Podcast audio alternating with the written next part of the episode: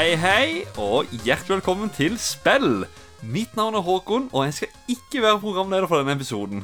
Det er faktisk min partner in crime, Adrian Haugen. Hei, Adrian. Hallois. Hva skal vi prate om i denne episoden?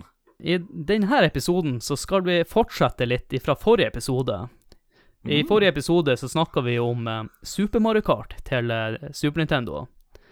Men i denne her episoden er egentlig den episoden vi hadde lyst til å lage. Og var veldig lenge, i hvert fall mitt favorittspill i denne spillserien. Ja, det er nok mange som har et kjært minne til dette. Det er jeg sikker på. Vi skal ikke drøye noe lenger. Spillet vi skal snakke om i denne episoden, er selvfølgelig Mario Kart 64 til Nintendo 64. Og eh, siden du ønsker meg velkommen, Håkon, så Ja. tror vi bare skal ta imot eh, episodens gjest. Så jeg vil ønske deg velkommen, Marius Hukkelås. Jo, takk for det, og takk for sist. Og nå blir det mer Mario Kart. Det kunne ikke vært likere enn det. Nei, det blir bra, det blir bra. Eh, veldig artig at eh, dere innleder med at det er favorittspill i serien, for det, det tror jeg stemmer at det er for mange. Det var der det starta for meg òg. Jeg bare emigrerte ved et senere tidspunkt til Super Mario Kart. Men eh, det her har et, eh, spillet har et veldig kjært sted i nostalgiverdenen min, altså. Og da kan vi bare lede opp eh, med å spørre om eh, Husker du ditt første minne med det her spillet? Ja, det, det gjør jeg. Det hadde ikke jeg tenkt på før du sa det nå, men det smalt jo rett tilbake, det nå. Så det måtte ha være det måtte ha vært release-året, så 96, eller hva det er for noe. Eh, og da 97, faktisk. 97, ja. Og da var jeg bare tilfeldigvis på besøk til onkelen min, da, som er sånn 16 år gamlere enn meg. Så godt voksen også på det tidspunktet. Og han eh, sa bare 'Hei, Marius, du liker spill, gjør ikke det?' Eh, Jo, jøss, jeg har nesten et problem i ung alder, men ja. Er veldig, veldig glad i spill. Uh, og da eh, var det liksom Mario Kart 64 og Fifa 64 og Pilot Wings 64 hadde han kjøpt seg. Alt skulle hete 64. Ja, ja. Det var jo, det var jo brand name akkurat den gangen. Men alt heta jo Super på Super Nintendo, da, altså. Ja, det jo. Ja. Eh, og da bare sånn forklarte han kjapt da at eh, ja, det her spiller i 3D, og det går an å spille fire stykker, og da var jo stakkar eh, 12-13 år gamle mind min fullstendig blown på det tidspunktet.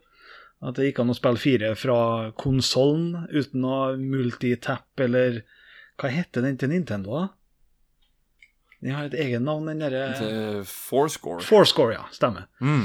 Riktig. Eh, ikke noe sånn eh, peripherals, bare plug and play fire stykker. og Jeg var helt OK, det her skal det dedikeres tid til. Jeg bestemte meg umiddelbart. Og, og det ble det. Eh, det kan vi komme tilbake til litt senere, da, men eh, nei, det, det traff meg som en slegg i ansiktet. Altså, det her er, det her er framtida på, på det tidspunktet. Enn du, Håkon? Jeg husker faktisk ikke mitt første møte med det. Jeg husker liksom bare de her alle de gode kveldene med det spillet. Eh, men det eneste jeg husker, er at vi i hvert fall Vi var de eneste i nabolaget som hadde det spillet. Vi var faktisk den familien i nabolaget som, som hadde den konsollen først, da. Eh, så alle var jo hjemme hos oss, og det var jo dette var jo et av de populære spillene, og da satt vi faktisk med en eh, liten kasse-TV. De reise-TV-ene, de som har sånn innebygd VHS-kassettspiller eh, det er 13 tommer, 14-15 kanskje, spilte vi fire player på det. Og så var det så lett å håndtere, så vi bærte jo rundt den TV-en overalt. Vi satt i ganga, vi satt i trappa, vi satt under trappa, inn på rommet vårt, og overalt. Spiste du bordet, you name it. Dro det med oss overalt. Spilte fire player på en liten, bitte, bitte liten skjerm. Det er liksom det minnet jeg har, da. Så Men første dagen vi fikk det, det kan jeg ikke huske, faktisk. Dessverre. Men eh, jeg har mange kjære minner til spillet generelt, da. For min del så husker jeg mitt første minne med det her spillet. Jeg lånte spillet hos en kompis som het Øystein, og jeg husker til og med hvordan bane jeg spilte. Det var Toads Turnpike, andrebanen andre banen i Flower Cup. Du kjører på motorvei med masse busser og biler som du kan krasje i. Jeg husker også at jeg syntes grafikken var sinnssykt bra, kontrollen var fantastisk. Jeg, jeg likte spillet så godt at jeg tror jeg lånte det fra jeg tror 98 til eh, 2014. Hvis jeg ikke har, hvis jeg ikke har det enda. Dæven. Jeg bodde jo borte i åtte-ni år. Og hver gang jeg var hjemme, da, så brukte jeg å spille eh, noen runder med Mario Kart 64. Så det funka jo fortsatt veldig bra på de flatskjermene, men de nyeste flatskjermene så tror jeg ikke det funker like bra, og i tillegg så tror jeg strømforsyningen til min Nintendo 64 begynte å streike. Eh, ja. Jeg skal ikke for, gå for grafisk, eller for, eh, for nerdete inn i det der med 64-en, men vi snakka om det litt i forrige episode i forhold til det med CRT-TV-er. Den Altså, grafikkortet, GPU-en, i, uh, i en Nintendo 64 hadde et filter på seg, sånn blur-filter, som, vi, som ville gjøre når, når det fikk scanlines og det blur-filteret jobba sammen, så var grafikken helt amazing. så det blur-filteret, når det er på en flatskjerm-TV så blir det bare smudga ut som at mm. det er noe søl. Så da blir det drit. så da, da, kan du bruke 3000 kroner på å kjøpe deg en eh, Ultra HDMI 64-konsoll. Det er det de koster nå. 3000-4000, tror jeg. Kanskje 5. Det er dyrt. Ja nesten dyrere enn Eller dyrere enn det er Xbox og PlayStation 4 og Switch. Ja, du er, ja, ja, du er, du er langt over prisen på de. Mm. Kan, kan jeg da skyte inn at det finnes et selskap som lager kabler til også Nintendo 64, til HDMI? Ja, stemmer, stemmer. Ja, jo, det Jeg holdt på å si jeg, jeg er så prippende, så jeg, skal, jeg er nødt til ha det skikkelig ja, men, bra. Jo, men, men, det er altså jeg òg. Men eh, jeg har en kamerat som har prøvd dette her på Super Nintendo, da, på moderne TV-er. Og det er jo mm. samme kabelen på Super Nintendo 64. Ja. Uh, han, jo, det hjelper. Det hjelper. Det ja, ja. Han har testa det på, på flatskjermen sin, og sammenligna med en CRT-TV, så er CRT-TV-en én frame foran i toppen av skjermen, lik i midten og én frame bak i bunnen av skjermen, fordi at det er progressive scanlines og det, det, går sekvensielt på en CRT, mens på flatskjermen så er det hele bildet som oppdateres. Så ja. i snitt så er det likt. Ja. Og det, det testene han. Har gjort er liksom ganske fascinerende, men det var nok til at jeg har eh, kjøpt et par sånne kabler, for å si det sånn. For, eh, og jeg bare mm. drass rundt med CRT-er. Og det er det farlige med å begynne med sånne konsoller. Kabler, det er dyrt. Det er dyrt. Nok om kabler, tilbake til Mario Kart. Ja.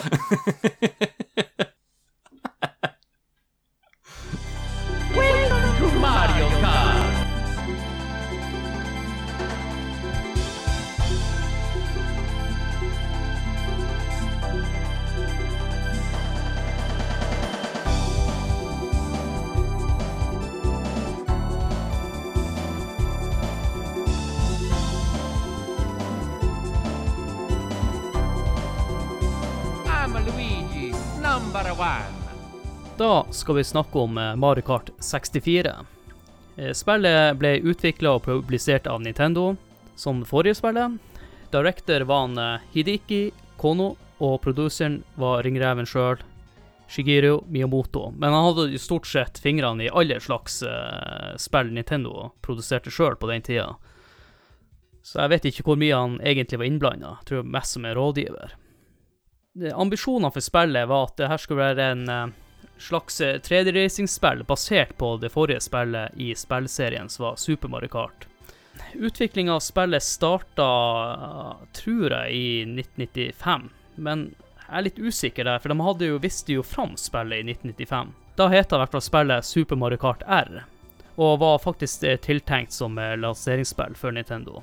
Men som i alle Mario-prosjektene, så er det ett spill som har pri 1 over alle andre spill det var Mario 64. Så de flytta stort sett alle ressursene for å ferdiggjøre det spillet, og så gikk de heller tilbake seinere og starta jobben med Mario Kart 64 igjen. Ikke et dumt valg, da, for at uh, Mario 64 er jo Jeg tør nesten si det beste spillet på konsollen sammen med Ocarina of Time. They did a good job. Men de ønska jo at de skulle lage et 3D-racingspill. Eh, Men de møtte på noen utfordringer. De ønska jo å lage karakterene som 3D-karakterer, men uh, dessverre så hadde ikke maskinen nok prosessorkraft til å håndtere det her. Og det var spesielt sekvenser der du fikk alle karakterene inne i samme bilde. Og måten eh, for å prøve å håndtere dette problemet De kom på en løsning der de skulle gjøre karakterene om til sprites, og benytte seg av noe som heter billboarding-teknikk. En annen ting som eh, de tenkte å gå bort ifra det forrige Mario Kart-spillet og til det nye, det var å få vekk den der go-kart-feelingen, og få spillet heller til å være en slags eh, radiostyrt bil. Og en av hovedgrunnene til dette var at eh, Nintendo 64-kontrolleren hadde en liten joystick i midten. Det var en av hovedgrunnene til at de valgte å endre litt på kontrolleren. Eh, vi nevnte jo litt tidligere at spillet ble utsatt, og i 14.12.1996 ble spillet lansert i Japan.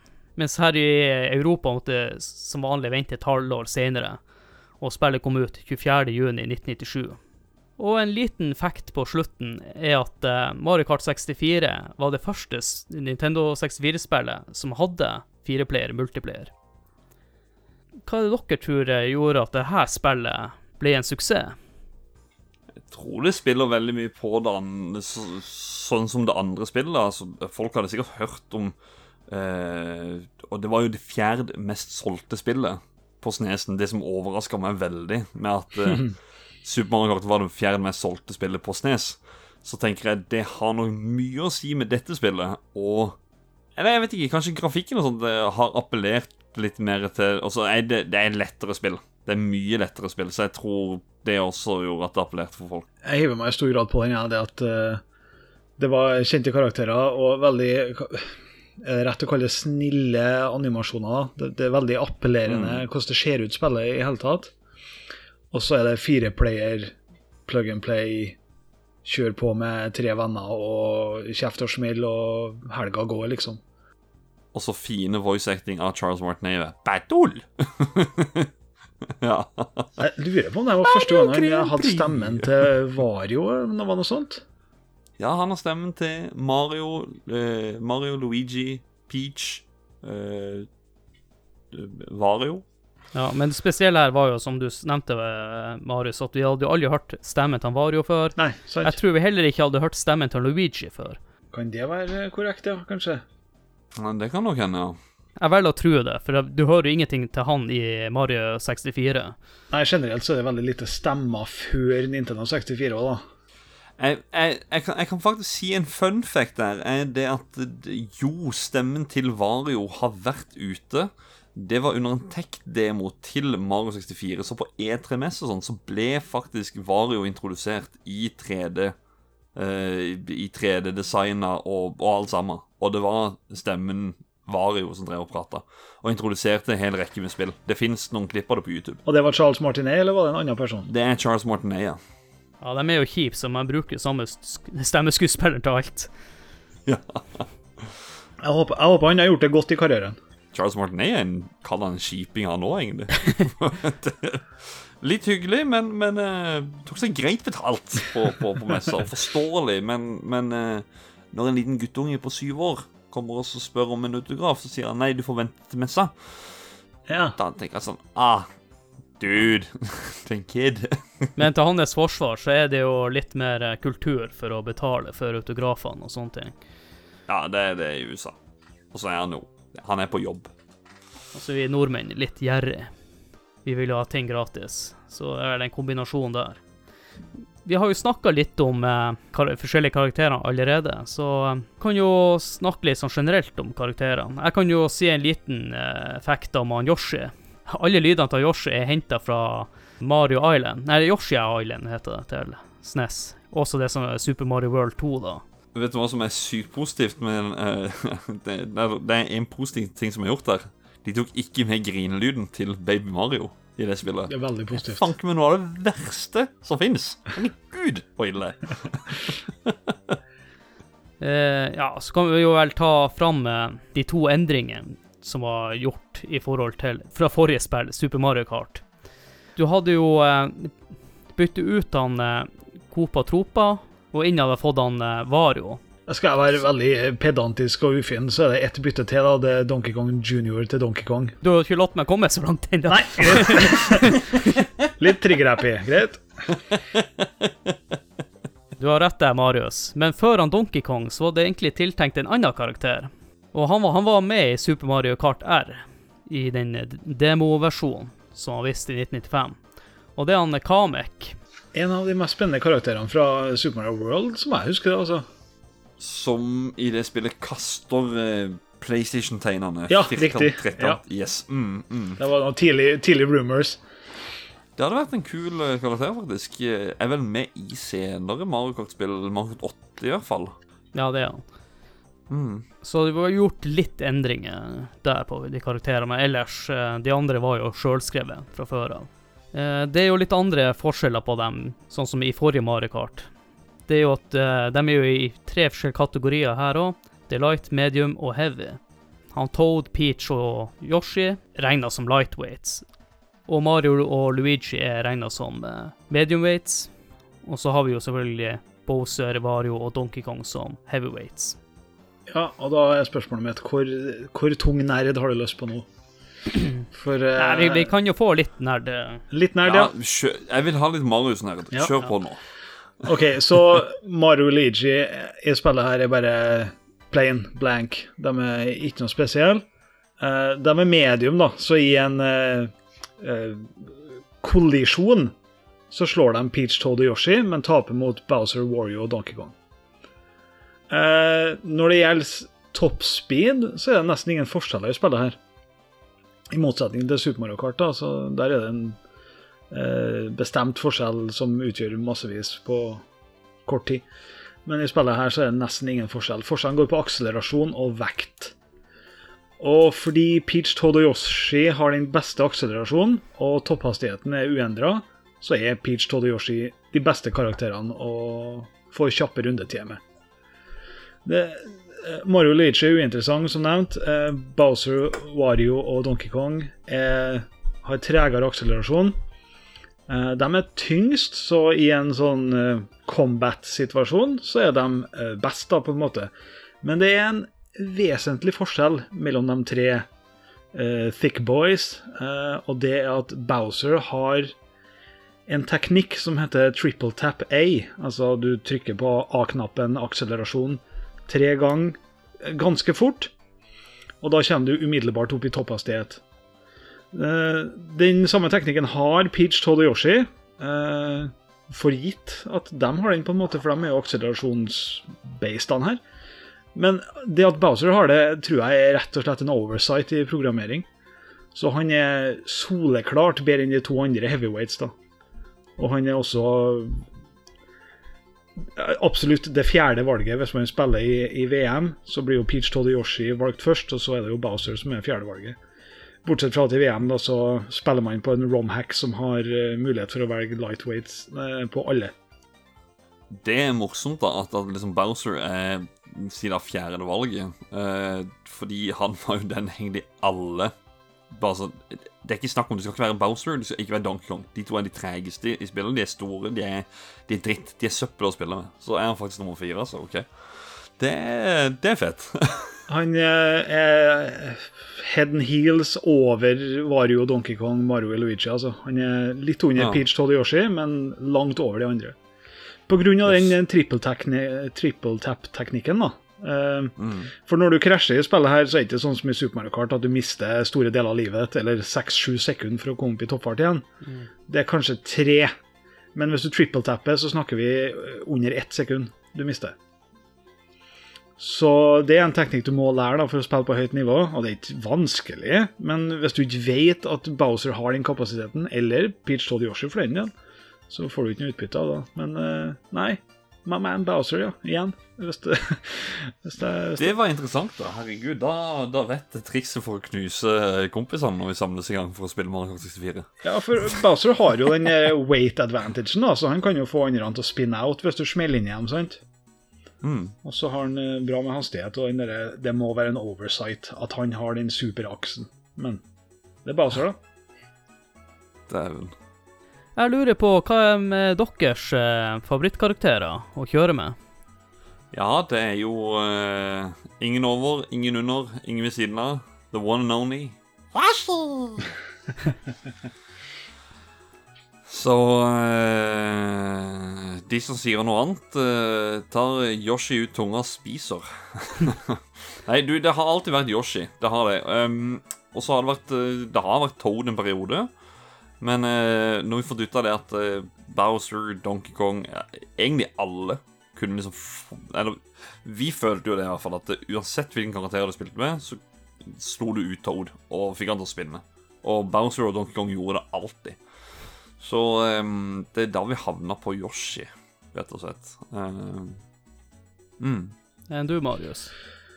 Jeg har gått eh, fram og tilbake hele tida. Hvis jeg spiller med folk, så er det ofte eh, Bowser, altså. Det, det er thick boys eh, for the win, liksom. Men uh, i alle slags seriøse format så må det bli Toad. Og det er fordi at de lydene han lager, de forsvinner de, de inntar ikke ørene mine etter en stund, men de lydene Yoshi lager, de lydene Peach lager, de forsvinner ikke. De gnager, de eh, destruerer øreganger, de eh, gjør livet surt. De, de er ikke- gode. Så sånn rent bortsett fra lydene, så har Yoshi gjerne en fordel i spillet på enkelte ting der at måten han tilter hodet på, har flere grader av tilt enn det hodet til Toad og Peach har. Som er en sånn helt irrelevant greie med mindre du spiller på høyt nivå og må ha visuelle guidelines for forskjellige vinkler og sånn. Men uh, det blir Toad, som aldri har vært en favoritt i et annet spill, egentlig. Det er morsomt du nevner han Toad, fordi at eh, han er min favorittkarakter i spillet her. I det herre kun, eller har du han som favoritt i andre Nei, spill? jeg, kun i det her spillet. Ja, riktig. Ja, enig. Enighet. Men når jeg var yngre, så var det han Vario jeg likte å kjøre med. Det, det tror jeg var for meg òg. Jeg syntes bare han var en morsom ny karakter. Eh, Ja. Så da gikk det mye på Vario. ja. Litt samme som med Copa Tropa i forrige spillet. Han var en karakter man normalt sett ikke kunne spille sjøl. Og så hadde jo ikke jeg spilt i Vario-spillene heller, så her var første møte med han Vario for min del. Ja, var ikke de forrige Vario-spillene på Gameboy? Jo, det første, første gang du møtte han, var i Super Mario Land 2, og så var Ja. det Wario eh, Land, som var altså Super Mario Land 3 til Gameboy. Så kom det på 64. Ja, riktig. Men, eh, men Toad eh, Da skulle du egentlig si at dette her var første spillet du kunne spille han i, men det er det jo ikke. Det er jo Super Mario Kart. Men er det noe spill imellom der, hvor du kan spille som Toad? Super Mario Bros. 2. Og er det Ja, selvfølgelig. Herregud. Ja, for Jeg føler på at alltid Toad er den som står på sidelinjen. Ja, det er sant, det. Um, at han er liksom sånn uh, Han er jo announceren, for eksempel, i Mario Party-spill.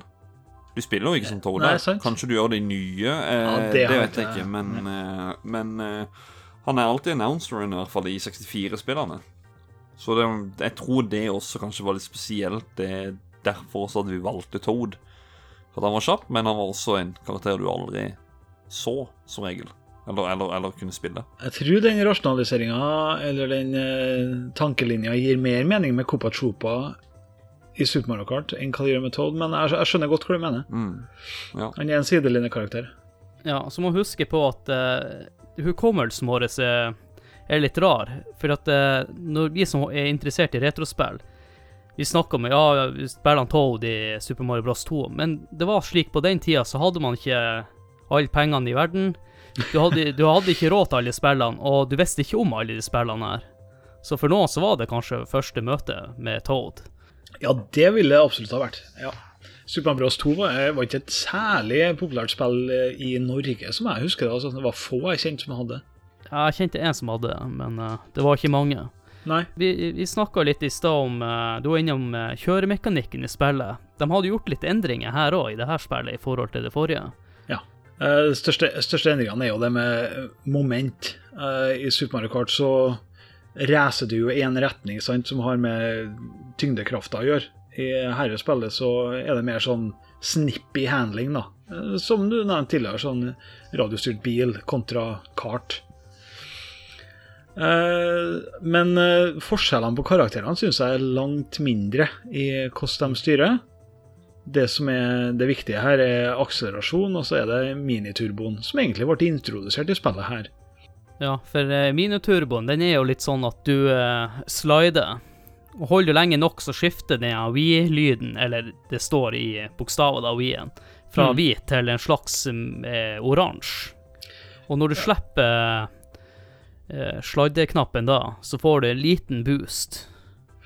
Ja, det går fra hvit til oransje til Nei, hvit til gul til oransje, kanskje. Ja. Eh, Mm, mm, hvit, gul, oransje. og så er det Ja. noen regler på det, da. Nå husker ikke jeg antallet frames, men fra hvit til oransje så er det sånn set amount of frames. Si at det er 20, da. Før du kan gå fra hvit til oransje. Og fra oransje til rød så er det én. Så den, den første countersteer, den må du time, og den andre så er det bare full pace. Og holder for lenge, så spinner du rundt. Ja, riktig. Og den eh, miniturboen her eh, den eh, gainer ca. en tiendedel sekund da, for hver gang du gjør den korrekt. Som er veldig mye mindre enn f.eks. Super Mario Kart, der vi snakker kanskje dobbelte eller tre ganger så mye på baner som er mye kortere. Så det, når du er kid, da, så holder det jo med å bare drifte i svingene. Den turboen utgjør ikke så mye. Jeg vet ikke hvordan dere hadde med det, men jeg, jeg kunne turbo da jeg var liten kid, men det er bare ti Vet du hva, det lærte ikke jeg å håndtere noe særlig før Mario Kart Double Dash, egentlig. For der er det en veldig sånn essensiell Du skal Ja. kunne den Ja, det. Og det er det spillet der det virkelig tok fokus på det. Men jeg tror kanskje vi visste om det, men fikk det kanskje ikke ordentlig til. Eh, Jeg lærte i hvert fall ganske tidlig, jeg og kompisen min. Vi kjørte mye time trial, som vi skal snakke om litt senere. Men en annen ting som også var nytt med dette spillet I forrige spillet så var det uansett split screen, men i dette spillet på singleplayer så fikk du av hele skjermen for deg sjøl. Ja, det øyeblikket husker jeg. Det, det øyeblikket jeg innså at énplayer er hele skjermen i, i Mario Kart 64. Det, det var framtida, det òg, altså. Og i tillegg Ja. så fikk du jo frem et speedometer. Du kunne skille med et speedometer, lite kart og et stort kart, tror jeg det var. Er ikke speedometer kart, og så er det progresjon, som bare er en sånn bar Ja. som går fra venstre til høyre? Stemmer. Men uh, en annen ting som også var nytt i spillet, her, det var, var jo noen av power-upsene. De heiv jo ut uh, fjæra og mynten. Men de kom inn med noen nye. Det ene var det falske spørsmålstegnet. Jeg så faktisk på en, eh, en beta, og spørsmålstegnene i betaen de var mer sånn svartfarga med sånn lyseblå spørsmålstegn. Det var litt vanskelig å se. Og Så var det jo det at når du var proff, når du var proff, så kunne folk få til å sette de hvor de enn ville. Du visste at den ene itemboksen skulle se sånn ut, og den andre skulle se sånn, og den andre var sånn. Og de sto sånn, sånn, sånn og sånn. Hvis det var én liten frame ut forbi Nei, det er fake. Den er Skjer ikke. For trikset, trikset med den var jo det at eh, etter hvert som Altså, det å så legge en sporadisk ut på banen Det er jo ingen som kjører på den utenom computer. Men hvis du skulle være strategisk, så var det at når du tok en itembox, så la du en faken ja. på den, da. Ja. Men det var ingen av oss som gikk i den fella der. Timinga være presis, altså. Det, det skal fungere. Vi var altfor gode, så det var ingen som lurte oss. Ja, og så i tillegg så har de innført eh, supersoppen, der du har evig sopp innenfor en viss tidsramme. Ja, og her er det ting som skiller Clinton fra hveten, skulle jeg si. Uh, Hvilke supersoppbrukere var dere? Trykk hele tida, eller trykk litt nå og da? Jeg trakk hele tida, helt til man fant ut at her må du la boosten gå ut før du trykker en gang til. Yes, det er jo akkurat det. Uh, jeg tror vi oppdaga det etter hvert, men, men det var jo litt sånn der bare Trykk, trykk, trykk, trykk, trykk, og så bare Ja, ja. Det var jo dødsgøy, vet du. Herregud, ekstasen var det bare Super yay!» Men uh, det var jo ikke det sånn veldig mye nytt, tenker jeg. Nei, man, Sånn. man antok at det var raskere, da, for det var boost, boost, boost, kjentes det ut som. Men, uh, Mm, mm. men det er to ting som skjer, da. Det ene er at du, du taper litt tid på å gjøre det hele tida. Eh, fordi den får ikke eh, Topphastigheten skjer ikke i det du trykker. Topphastigheten skjer litt etter du trykker. Så det er en sånn rytme som er den optimale, som er sånn én gang hvert tre tiendedels sekund eller noe sånt. Men i tillegg, da, når du sitter og trykker, trykker, trykker, så kjører du jo dårligere. Det er jo ikke noen tvil om det. Du, du mister jo fokus på alt annet. Det bare skal, her skal jeg ha masse supershop og ikke noe Det er ofte man bare knaller rett inn i reklameskilt og Ja, i veggen der med så teppa. Det kjenner jeg til. Men eh, det er jo et annet power-up som er veldig viktig, og som er blitt håper holdt å si, verdensberømt i ettertid, det er blåskalle. Er det viktig? Kan ikke bare scrappe hele Ja. forbanna skiten? Scrap it. Men uh, det er en grunn til at den ble innført. Fordi at uh, de sliter med at når alle karakterene var på skjermen, så skjærte det seg litt.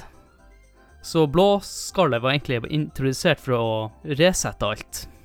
Så at du fikk noen biler som kjørte forbi og sånne ting, så det ikke skulle være et skikkelig oppsamling med gokarts, da. Jeg skulle egentlig si at jeg, jeg hadde en sånn feeling på at det kanskje blåskalle det, det var litt det jeg gleder meg til å snakke om i denne episoden. For at jeg- skulle ha gjetta sånn en type sånn her blåskalle, for det er så Det er så, det er så stygg item som det, det bare ødelegger alt. Uh, så da tenkte jeg sånn at ok, kanskje dette her var noe utviklerne la inn i typ slutten av betaen for at de skulle kødde med hverandre på kontoret. Så bare Ha-ha, se hva jeg gjorde for noe med han nå. Og så oi, shit, de glemte å fjerne det. Jeg er helt, ting, helt enig med den tolken. Den kjøper jeg hele veien. For, for det har skjedd med så jæklig mange spill. Ja, det er sant. Oddjob, Ja. Golden 64. Prakteksempel. Ja, men her var jo det innført et uh, item for å hjelpe maskinvaren, rett og slett. Det er kun Ja. derfor. Men, men jeg sliter, jeg sliter med å forstå hva, på hvilken måte det faktisk hjalp programvaren. da. For uh, den som blir truffet, han flyr opp i lufta, og så er han jo back in business i forholdsvis kort tid Jo, etterpå. jo, jo, men uh, du får mest sannsynlig da noen biler som kjører forbi, så du ikke får alle kartene i, i samme screen, da, på å si, i skjermruta. Eh, jeg, har, jeg har ikke eh, finstudert det her, så Nei da. Nei, det altså, var det en kan fun fact hende jeg har funnet. det kan godt hende at det var diskutere ting jeg intensjon. ikke kan. Det, det kan godt hende det var intensjonen, altså. Men de endte jo opp med kanskje Enig, Håkon, det styggeste itemet. For det, det bare straffer deg for å være først. Det, Ja, det, det det, er sånn, det. det er ikke noe annet det, det er bare det det går på. Er du først? Nei, men da skal du ete blåskall og dø. Sånn er det. Men ellers så har det ikke Det er ikke noe logisk med det, for at eh, vi snakka jo i Super Mario Kart-episoden om at lynet var innført. Mm. Som en comeback-mekanikk, ja. Så egentlig så har ikke blåskallet en plass i gamen, så lenge du har lynet. Fordi at, for at den, den, den er, det er jeg, jeg vil si at det Altså, en, en fireåring kan ligge på På, eh, på ja, åttendeplass, som er siste, og så får de tilfeldigvis det blåskallet. De klarer ikke å komme forbi syvendeplass engang. Nei, det er sant. Men de tar fortsatt ødelegger for det på første. Det er sånn Sånn, sånn at du, Ja. du som har ligget først hele veien og spilt best, taper for han på tredje, da. Som klarte å snike seg Mm. forbi pga. to blåskall eller et eller annet. Jeg kan faktisk si at meg og min bror vi hadde sterke Eller vi, vi hadde strenge regler på dette her. Oh, ja. For at vi samarbeider jo alltid om å unlocke eventuelle Ja, sånn som her så er det jo Mirror Cup. Um, kommer sikkert tilbake igjen litt om det etter hvert. Men eh, altså, for å så time litt opp på disse her eh, eh, i, I eh, Mario Grand Prix, så var det jo sånn når du, du, For du kunne spille to player. Så hvis en av oss fikk det blå skallet, og en av oss lå på førsteplass, så var det du, du skulle ikke bruke det. Drop back, bro. Det var liksom eh, I got your back. og hvis det er noen som kommer på første nå, jeg har de. så vi fikk brukt det til Ja, til en liten gode. Og så har vi jo noen triks også. Det der med at du kan unngå å skli på bananskall. Ja, det er litt uh, overraska at du tar med, for det var en voldsomt tilfeldig oppdagelse jeg gjorde i min barndom, som jeg, som jeg glemte i en del år. Og så husker jeg også igjen tilfeldig, tror jeg. Altså, Det kan godt hende det her var forklart i bukletten, eller noe sånt, men hvem leste booklets på den tida? Vi kunne jo ikke lese noen av oss som Vi skulle bare spille. Eh, Men det er et fascinerende konsept. Også. Når du kjører på eh, en obstacle som det egentlig skal få deg til å spinne ut og bli trist og lei av livet og ta fram barberbladet, så kan du bare trykke litt på brems, og så ordner det seg. Og så kjenner det sånn fin liten whistle tone over karakteren. Det er nydelig. Og et annet triks som eh, ikke er tenkt så mye over, det er jo at du kan sette de falske spørsmålstegnene i lufta. Veldig greit å ha på hopp og sånne ting. Spesielt på Vario Stadium. Ja, det er sant. Og Ja. Royal Raceway likeens er det en del brukt. Ja. Eh, For eh, ja, dere snakka om det falske spørsmålstegnet i stad, men det, det som det ofte brukes på i VM, da, er jo ikke å legge det att med de andre itemboksene, for det, det skjønner folk, og det er ikke noe fare. Men å legge det bak et hjørne der man vanligvis har linja si, den gode linja, sant, for å ha mest mulig fart og best mulig rundetid. Hvis du legger det bak et hjørne på den linja, så smeller folk inni dem hele tida, overraskende nok på toppnivå. altså. Det, det er et interessant item, syns jeg. Ja. Og det er jo bra, for det der er noe jeg ikke har tenkt på med det spørsmålstegnet jeg har spilt. Og det trikset kan du faktisk bruke i nyere Mario Kart-spill òg, regner jeg med. I banen, rett og slett, der, der man vanligvis vil ønsker å kjøre, da. Men uh, skal vi bare snakke litt om uh, game-modusene i spillet? Vi kan jo starte med Mario GP, som naturligvis er det første man spiller hvis man er alene. Mario Grand Prix. Som man sier. Her hadde vi gjort litt endringer i forhold til det forrige Mario Kart-spillet. Der det var eh, fem runder, var skrenka ned til tre runder. Og så var det vel eh, fire baner per cup kontra Nei, det var fem baner per cup i forrige spill. Mm. Og nå innskrenka der òg til fire baner per cup. Ja, eh, sånn kort om det, da. Fra fem runder til tre runder, det gir mening. I Super Mario Kart så er en runde ti sekunder i snitt. I eh, Mario Kart 64 så er en runde 30 sekunder i snitt. Og på noen baner så er det jo faen rytte meg tre ganger det. Det er ett og et halvt minutt liksom på Wario Stadium og Rainbow Road. Eh, Så at de korta ned fra fem til tre, det, det var bra. For det, det er betraktelige lengder runder. Og det gir på samme måte mening å kutte ned fra fem til fire baner per cup. For det er masse spilltid eh, å gå gjennom Mario og GP. Ja. Det er det. Det er det. Og du er vel det samme der òg, du må være blant topp fire for å komme videre til neste bane, og du må selvfølgelig ha makspoeng per cup for å Nei, du må ikke være topp fire for å komme videre til neste bane. Må du det? Jeg husker det sånn i farten, her, men det er kanskje jeg er farga av Super Kart-livet mitt. altså. At det er Ja, okay. topp fire eller retire retry. Kan kanskje være double dash, faktisk. Nei, men jeg, jeg, tror, jeg tror du har rett, eh, Håkon. Jeg er litt usikker på om vi fikk retry, eller om uh, Det der kan eh, dere lyttere skrive inn til oss om. Ja, altså, jeg er bare så usikker på at jeg er så god at jeg kom topp fire uansett, det. Gjerne topp to. Det har vi alle, alle prøvd, den der femteplassen, så jeg aner ikke. Dere som var dårlige i dette spillet her, skriv i kommentarfeltet og åssen var opplevelsen å havne på åttersyvende. på. Men eh, cupene var nå i hvert fall like eh, fra Super Mario Kart til Mario Kart 64. Det hadde Mushroom Cup, Flower Cup, Star Cup og Special Cup. Special Cupen eh, Måtte den låses opp i det her spillet òg, eller var den her fra Nei, Børjan. Nei, alle, det er ingen alle var ja. fra børjan. Det, det er en annen opplåsning i spillet her, men det skal vi kanskje snakke om senere. Snakka litt om banene i cupene her i stad. Der Rainbow Road er den lengste, som er bane på to kilometer, da. Og Mumu Farm er den korteste, på 527 meter. Og en annen ting var vel også at uh, Moo Moo Farm er det som Den banen uh, har fem laps. Fire eller fem. Han har i hvert fall mer enn tre. Det har tre, ja. Jeg, jeg mistenker at det du tenker, Håkon, er Baby Park i Double Dash. Uh, av- Faen, altså! Det er dobbeltdash. Det Ja. henger på med det der. ja, Helsike. Konge Mario Kart-spill. men uh, Momo Farm er kort, men det er også den aller mest plagsomme banen i spillet, da, fordi den er entirely random, som er uh, unntaket. Det er ingen andre baner som er det i spillet. Men du som er litt på speedrun i fronten, går den litt kjappere enn de andre banene? Ah, det er et godt spørsmål. Uh, svaret er nei, men hvis man spiller i versus mode eller i eh, Grand Prix-mode med fire playere, eller noe sånt, så varierer hastigheten, og det er ikke pga. Uh, noe, s- noe carts eller noe sånt, det er framerates som gjør det. Ja, ok. For den, eh, den dropper den til 7,5 hertz, altså på Donkey Kong Parkway fireplayer. Det er helt håpløst. Og da går det jo som et oljelyn, da. For du, Ja. du, du ser jo bare annethvert sekund, men eh, det flytter seg mye imellom. Ja, jeg skal si at eh, på diverse LAN-partyer sånn for, eh, før i tida, så, så hadde vi um, time trial, og da var det alltid den banen der vi hadde time Å trial. ja, den verste, ja. Som vi ja, det var ja, for helt på slutten er det også avgjørende om du traff muldvarpene eller ikke. Ja, Så eh, jeg vant med tre millisekunder, og da stakk jeg av med en Logitech PS Eller PlayStation-kontroll til PC. Woohoo! Jeg har et lite spørsmål til dere. Hva er deres favorittbane og hatbane. Ja, det, det, har, det varierer litt om det er multiplayer eller singleplayer, da. Men som favorittbane i multiplayer så var det utvilsomt Donkey Kong Jungle Parkway, fordi at den banen går så fort. Fordi at det er programmert eh, feil eller faked.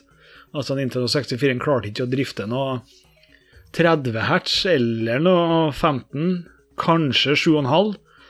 Eh, men tempoet, forflytninga per frame, er den samme, da. Så det ser jo helt håpløst ut. Kjempegøy.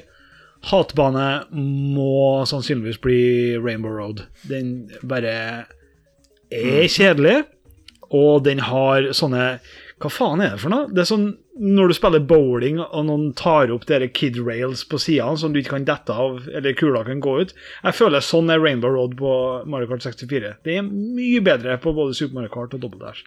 Ja, og det er en bane som holder deg i handa hele veien. Ja, hva i verden? Og så skjer det ingenting heller. Det er en sånn eh, unchained chomp bow wow-sak en gang iblant, og så eh. Men, men hvis du blir Hvis du blir skutt i typ Si eh, du kommer over målstreken første runde, og så kommer et rødt skall på den, og så, tar du, så svinger du bitte grann for at du skal forbi en karakter. Og du flyr ut der. Da skal du ned. Og da skal du ned litt til. Og så skal du enda lenger ned. Og helt til bunnen. Og da kommer Lakitu Lakitu og bærer deg opp. Og setter deg i bunnen av bakken. Ja, du, du blir straffa når du det detter utafor. Du blir så straffa til de Ja, Verste, verste kødden i Mario-historien er Lakitu. Ferdig pruta. Alle legger skylda på Lakitu. Ja. Blame Lakitu. blame. Hashtag. Ja. Men eh, du, Håkon, da? Åh, det Favoritten er vanskelig. Vi, vi, vi kan begynne med den vanskeligste. Det, jeg kunne sagt Rainbow Road der også, jeg er helt enig, men en som er minst like kjedelig, det er Kalimari Desert. Hmm. Den siste banen på Mushroom Cup. Det er å kjøre i ørken. Og så kommer det tog som kan avgjøre så mye. For at du kanskje må stoppe for det toget.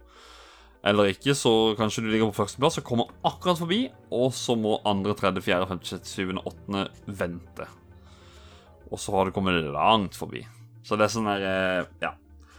Det er dårlig designer, syns jeg. Eller dårlig Det, det, det, det, finnes lite variasjon i den banen. Jeg, jeg føler jeg er nødt til å skyte inn her at det var andrevalget mitt som favorittbane, fordi at når, når du spiller time trial på Calamari Desert, så I time trial så har man tre sopp, og ut ifra hvor rask man er rundt banen, så må man velge om man skal bruke alle soppene på første runden, andre runden, tredje runden, eller fordele dem f.eks. én på første runden og to på siste runden er det vanligste. For Ja, du må nok ta det litt strategisk. ja, og i tillegg, da, når folk begynte å bli skikkelig gode på dette her, og time soppene sine, sånn at de akkurat rekker seg foran det første toget, og akkurat rekker seg bak det siste toget, og alt sånt der, så var det noen som forventa at hvis vi kjører enda litt fortere, så kan vi komme oss mellom togvognen.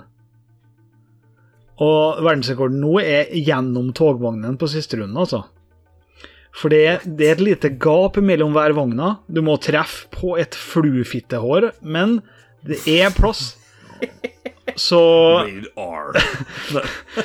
så I time trial så er den banen helt magisk, men jeg, jeg er også enig i hva du sier om den, at den er, den er kjedelig. Du kjører i ørken, og kanskje er det tog som ødelegger alt. Ja. Jeg syns jo litt av sjarmen med det toget, men det er en annen sak. Jeg syns den er en helt OK bane. Jeg tenker alltid når jeg ser det toget jeg ser den tunnelen, så tenker jeg på eh, Petter Stankelbein og Nei, nei Ja. mip, mip. Runner, og ja. Eh, Per Ulv og pip, pip. Eh, men favoritten Det er litt vanskelig å velge, men Royal Raceway, eller som han het i Japan, Peach Circuit. Ja, riktig. Det er Peach sin bane, eh, ligger litt i ordet.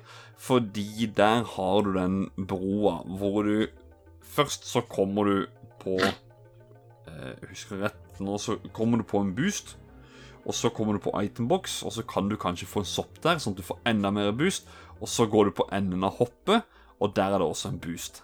Og altså, det er jo Jeg setter jo på den derre Olsen Brothers Fly on the wings Eller Småk som et fjernesk stjerneskudd Eller hva de sier for noe på dansk.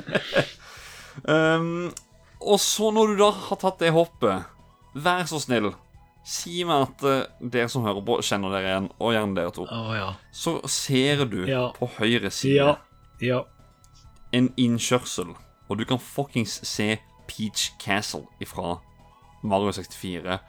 Oh my god! Kan vi inn i det slottet? Vi kjører opp, Vi og vi kjører bort til Og døra, vi og vi har hoppa, og vi hoppa, og vi hoppa, og vi hoppa litt til, og enda en gang. Og jeg skal faktisk mene at du har kommet inn den døra, men du kommer ikke til noen ting, da. Du bare suser ned, plopp ned i vann, og så kommer Lakito og løfter deg ut til veien igjen. Began. Men den tanken der Det var ingenting som het at det, Tenk over hvor mye minne det er på den kassetten her, bla, bla, bla. Jeg var sikker på at Mario 64 kunne du spille med gokart. Når jeg så det slottet der. Jeg ble så blåst av banen, og jeg har ikke tall på hvor mange timer vi prøvde å hoppe inn i det forbanna slottet. Det er det som er så herlig med å være barn, man hadde jo en fantasi i tillegg. Ja. Så Ja, den banen der var mye mer enn det det egentlig var. For Ja, inni slottet, som du sa, der er det ingenting. Eh, Jeg har sett det, de har gått gjennom slottet. Hele slottet er bygd på utsida. Men det han eh, bildet av Peach helt øverst i det, det tårnet, det er faktisk litt utafor det tårnet. Det henger i lufta. Å ja. Der, der husker jeg faktisk jeg testa sjøl i sånn 2005 med en sånn moonjump code som jeg skrev inn i en emulator. Og da kunne du hoppe gjennom slottet og gå innsida og Men det har Kommer du på taket og fikk 100 liv av Yoshi? Ah, Ikke for å spoile Håkon, men nei. Nei, nei, nei. Okay. Men i barndommen så trodde man jo at OK, hva må jeg gjøre for å få lov til å inn i slottet her? For slottet er her, og jeg spiller et Mario-spill. Kanskje må jeg bare vinne så mange ganger på rad, og så får jeg inn i slottet, eller så må jeg bare runde spillet på så og så kort tid, så får jeg inn i slottet og spille, som du sa, Super Mario 64 med en gokart. Hadde ikke det vært gøy? Eller noe sånt. Fantasien stoppa ikke der, i hvert fall. Nei, altså, altså det Når jeg så det slottet første gang, og jeg Altså, jeg, hus jeg husker faktisk hvor med min bestekamerat eh, Lars var på overnatting. Eh, vi satt eh, kanskje en time eller to og kjørte rundt i den hagen bare og prøvde å hoppe inn i det forbanna slottet. Ja, det, vi var vel alle som prøvde på det. Ja, ja. Og altså, så, det, er ikke, det, det var ikke bare å prøve fem-ti minutter. Det var timevis. Så, ja. Nei, den, eh, den eh, stikker veldig ut for meg, men eh, det er så mange som egentlig deler førsteplassen at ja, jeg kunne nevnt mange til. Nei, For min del, så holdt på å si, det her er jo en mine favoritt-Mario Kart-spill. Det var, eller det var mitt favoritt-Mario Kart-spill helt til Mario Kart 8. Men det er en annen diskusjon. Eh, Jeg liker alle banene i det spillet her. På de senere Mario Kart-spillene så har jeg alltid prioritert å spille de nye versjonene av Mario Kart 64-banene. Så jeg er glad i all, alle banene, faktisk. Til og med Rainbow Road syns jeg er morsomt å kjøre på. Men hvis jeg skal trekke frem noen, så er det jo eh, Vario Stadium som er min favoritt. Og det har jeg fra tidens morgen, når vi fant ut at vi kunne bruke lynet på hoppet, og få alle til å dette ned der. Å, det var så kos. Og det var så skummelt når, eh, når kompisene hadde lynet. Husker en gang så klarte man å få sånn spøkelse. Der hvor forbanna han andre var da han hadde det lynet. Han visste at han fikk ikke brukt det. Art, artig at du skulle nevne det, Adrian, for det avgjorde faktisk VM i 90, nei, i 2007. Lyn, lynen på Hvaler ja. Det er jo kult. Ja, men det er, det er Altså, herregud, det er lynet og den eh, Ja, jeg, jeg, kan, jeg kan telle det jeg, jeg kan ikke telle det på to hender engang. Men lynet har noen uh, mye større rolle i det her spillet enn i det forrige spillet, vil jeg si. Ja, gjett om. Gjett Ja, og det er ikke pga. effektiviteten, det er pga. Uh, hvor, hvor ofte det er mulig å få det. For det lynet får du hvis det er på åttendeplass en runde eller to, liksom. Ja. Eh, trikset jeg brukte på Wario Stadium, det er å la meg ligge på sisteplass på det første, første spørsmålstegnet. For at da ligger det ikke den så langt foran det. Ja, jeg, du, den liker jeg godt. Da må jeg skyte inn en annen ting som jeg glemte i sted. Men uh, på Luigi Raceway så finnes det et garantert blåskall. Ja. Og I Luftballong. I luftballongen, ja. Og det, den er litt vanskelig å få tak i, men hvis du timer det fra starten av første runde, så kan du bestandig få tak i den. Og det, det kan jo være verdt det, på en måte. Men hvis det hadde vært et garantert lyn i den ballongen, så hadde alle gjort det. Vet du hva vi brukte å gjøre med blåskaller av og til på, på kødd? Vi brukte å bare holde det bak oss, og brukte bare bølle med på- blåskaller. Og det er et viktig poeng. Den derre hold bak-teknologien som kom i Mario Kart 64, den er stor.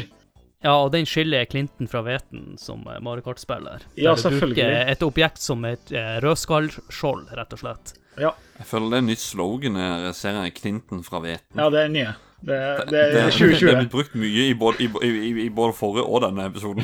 OK, vi har, vi har han, han Clint Eastwood. Vi må finne et skuespill som heter noe med hvete. Men, det, ja, ja. men eh, hvor vi var nå? En, ja, en annen ting jeg har også lyst til å nevne, er jo at eh, når man kjører i, i Mario Kart, så rendrer han jo bare det du ser på skjermen. Så resten av banen er borte på de delene der du ikke kjører. Men eksempel i Copa Tropa Beach, det lærte jeg meg faktisk i dag, at grunnen til den heter Copa Tropa Beach, den banen, er fordi at den ene steinen er forma som en Copa Tropa. Og den ser du uansett i hele brettet. ja den eh, Det er vel den første du kommer til? Ja, jeg, jeg er enig. Ja, ja. Det er den første. Men, nei, men det, var, det var ikke det som var favorittbanen min. Det, jeg, jeg ville bare komme med en fact der med om eh, du, du ser bare deler av banen når du kjører. Sånn rendrer hele veien. Men min favorittbane, eh, nei, hatbane, det er Bowser Castle. Fordi at der har jeg tapt noen ganger på målstreken, og spesielt på 150 GP så går det litt fort i svingene der. I hvert fall over den lille hengebrua der, som er lett å komme ut i lavaen. Ja, den er litt håpløs. Ja, og så har du de, sving, de krappe svingene opp gjennom det tårnet der, som at du bare blir slengt veggimellom. Eh, det, det, det- det er en morsom bane, men også en bane der alt kan gå til helvete. Det er en, hvis det er en veldig populær bane øh, Ifølge en toppliste jeg sjekka faktisk før innspillingen, Ja. så var det øh, Faen, lå ganske langt oppe på lista. Men det kan jeg forstå, for det, er ganske markant annerledes enn de fleste andre banene. I det at uh, ja, det, er så mye hinder og diverse. Masse hinder. Du har thwomps, du har brua, du har den derre spiralen. Og mange svinger er 90 grader istedenfor å være svingete. Å, han derre Den derre thwompen som er bak gitteret. Ah, oh my god. Marty! Ja, Kommer han ut noen gang? Du, det er en gammel lore i Mario Kart 64-miljøet. Ja, for den er like mye som den der jævla døra. Ja. eh, det er morsomt dere sier det, for jeg så om det i dag, faktisk. Oi. Og Marty! Det gikk jo rykte om, om at du kunne Marty! Ja, at du kunne låse opp av Marty. Ja, riktig. Ja, ja, ja. Å, shit. Det er ikke noe spesielt med han i det hele tatt. Det her ryktet var jo med å utforme i 2009, eller hva det var for noe. Det var jo kjempemorsomt den gangen.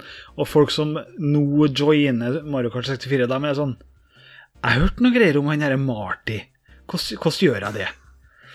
Nei, du gjør ikke det. Men uh, have fun exploring, liksom. Uh, nei, han er jo litt spesiell. Uh, Jeg var jo snakk, nevnte jo Copa Tropa Beach i stad. En annen ting jeg lærte meg, det er jo den banen du lærer deg eh, først er en snarvei på. Det hoppet du kan hoppe gjennom fjellet. Ja. Men eh, når jeg var liten, så trodde jeg at du kun kunne bruke soppen eller stjerna eller supersoppen for å klare det hoppet, men du kan faktisk klare det med å bare trykke hoppeknappen. Ja, jeg syns det er verre med item i Newton, faktisk. For med sopp eller stjerne eller noe sånt, så eh, kommer jeg ofte for høyt, da. Eller treffer oversida av inngangen. Men for meg så var det groundbreaking news today. Ja, men det var det jeg endte opp med å gjøre, for at jeg, jeg bomma hele tida med superfartene. Så jeg, jeg hopper alltid helt på kanten. Mm. Men eh, du, bare sånn, når vi snakker om Thwomsene i stad, jeg må bare hoppe tilbake igjen der og si en ting. Dere husker den latteren? Ja. Ja. Den er mørk. Ja. Den er ond. ja. Vet du hvem sin latter det er? Det er Charles Martinet. Det var jo sin uh, latter. ja. Også Han bare pitcha. pitcha. pitcha, Han bare pitcha Ah, nice, veldig ned. Nice.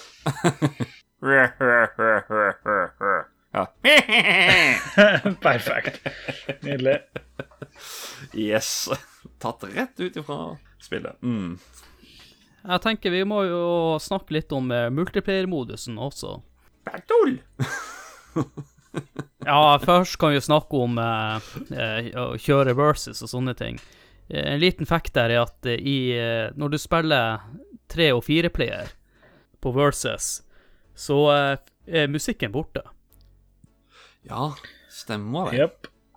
Og det er også pga. hardware-begrensninger. Absolutt. Og det at musikken kommer bort, er det minste av problemene dine. Når du Og det, det, det, er, det er faktisk et problem, og det var et problem hos oss. det For at det var sånn her eh, Skal jeg ta med en ekstra kontroller? Nei, vi har to. Og vi trenger ikke mer, for vi spiller ikke tre eller fire player Oi! i Mario Kart. Eh, jo, vi gjorde jo det, men musikken forsvant jo, som sagt. Så det var sånn her eh, Og så er det jo den andre modusen du ikke kan spille i tre og fire player heller. Så det var sånn Det ble Du mista, du mista en god del. Men uh, Ja. Det var også den eh, modusen spilte minst, i hvert fall når du var mer enn to spillere. Ja, du, når du sier det nå, så husker jeg spesifikt at dette var en av de første spillene i livet mitt der jeg kobla maskiner, altså Nintendo 64 i tilfelle, opp til stereoanlegget med noe Kenwood-forsterker og noen feite Bowers Wilkinson-høyttalere. Så jeg hadde lyden på Omega Blast, liksom. Og det var så fett på Pilot Wings, og det var så fett på Mario Kart 64, men når lyden kommer bort på 3 og 4-player, så er det sånn eh, det, det taper seg litt, liksom. Men det, det er hardware-begrensninger, ja. Rett og slett. Det måtte de jobbe med før. Det er ikke et issue nå. Det, det jeg syns er litt morsomt, at det, jeg har sett litt på nettet at de fleste mener at Mario Kart 64 er best på fireplayer.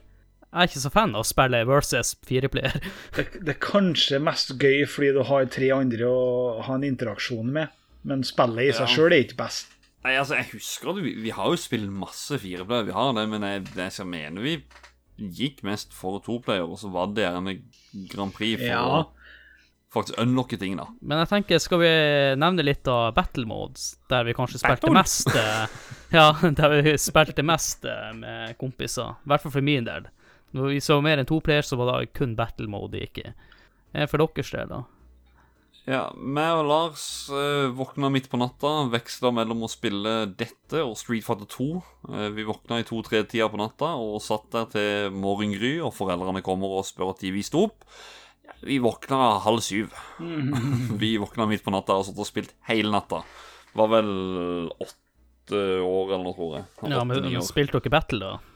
Ja, da var det battle mode og alt sammen. Da var det den eh, Det var mm, den med fargene på. Blockfort. Big, eh, Big Donut.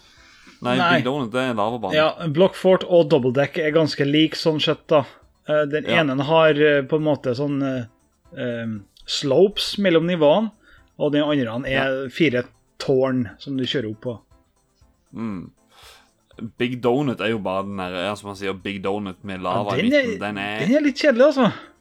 den er drit. Og samme med Skyscraper. Fordi Nei, den syns jeg var morsom. Det gikk ikke så fort, og den kunne du kjøre utafor. Nei. Der kan du spawnkille, vet du. Ja, den er morsom. Den er For der, der kan du sette ut fake item block der motstanderen din spawner. Hvis han dør, for, da blir- for da blir du satt tilbake på en fast plass. Og da bare smeller en gang til, og så smeller Vi hører jo nå at vi spiller på litt annet nivå. Oh, ja. Du spiller jo for å vinne og VM, mens vi spiller for å vinne, men også ha det gøy. Nei, jeg prøver å vinne for at jeg skal være et jævla monster i det spillet. Ja, det er jo sånn jeg er når det kommer til battle. Altså, jeg skal være en monster. Jeg skal, jeg skal humiliate. Jeg skal slakte andre personer. som kaster kaste så mye skall. Men da må du gå flåklypa-veien og få med alle sånne dirty tricks, altså. Det er jo Ja. Spawn kill er important i battle mode. Så når alle andre sier til meg at Å, å jeg skal knuse, så sier jeg 'Time vil show', Ja. som Blodstrupmoen sier. Ja, i riktig. Men uh, battle-moden i det spillet her var fantastisk på fireplayer. Det er da det virkelig skinte. Ja. Ja, den er gøy, men uh, på toppnivå så er den middels, da. Den, den tas ikke seriøst på toppnivå. Nei. Nå var det jo forresten en kompis av meg, han som er verdensmester i Super Mario Kart. Han vant tilfeldigvis battle mode i Mario Kart 64 i fjor. Og det, det blir brukt som et evig eksempel på at battle mode i Mario Kart 64 ikke er helt kompetitivt. Men du verden, det var gøy. For, for det er morsomt med battle mode i spillet her. Mm. Og, og det at det blir ei bombe når du dør som kan ta en ballong til, gjør også at det å bare dø først ikke helt fånyttes. Og det, det er en sånn bra ting da, for å holde interessen til den som er uheldig. Ja. Skal vi uh, gå over på neste modus, som er time trial? Time trial! Ja, Vi trenger ikke, kanskje ikke å snakke så mye om time trial, men eh, du kan jo, eh, Marius, fortelle oss litt om speedrunninga, og kanskje nevne en, en to-tre baner som blir kjent. Jeg vet ikke helt hva jeg skal dra fram. Men jeg kan jo nevne en liten fact at eh, hvis du trykker R-knappen i startmenyen, så kan du få opp eh, tida til Mario Raceway. Og det er kun den du får opp din beste tida i eh, time trial. Og grunnen til det er mest sannsynlig at eh, utviklingsteamet anser den som den beste banen i spillet, og den ultimate testen.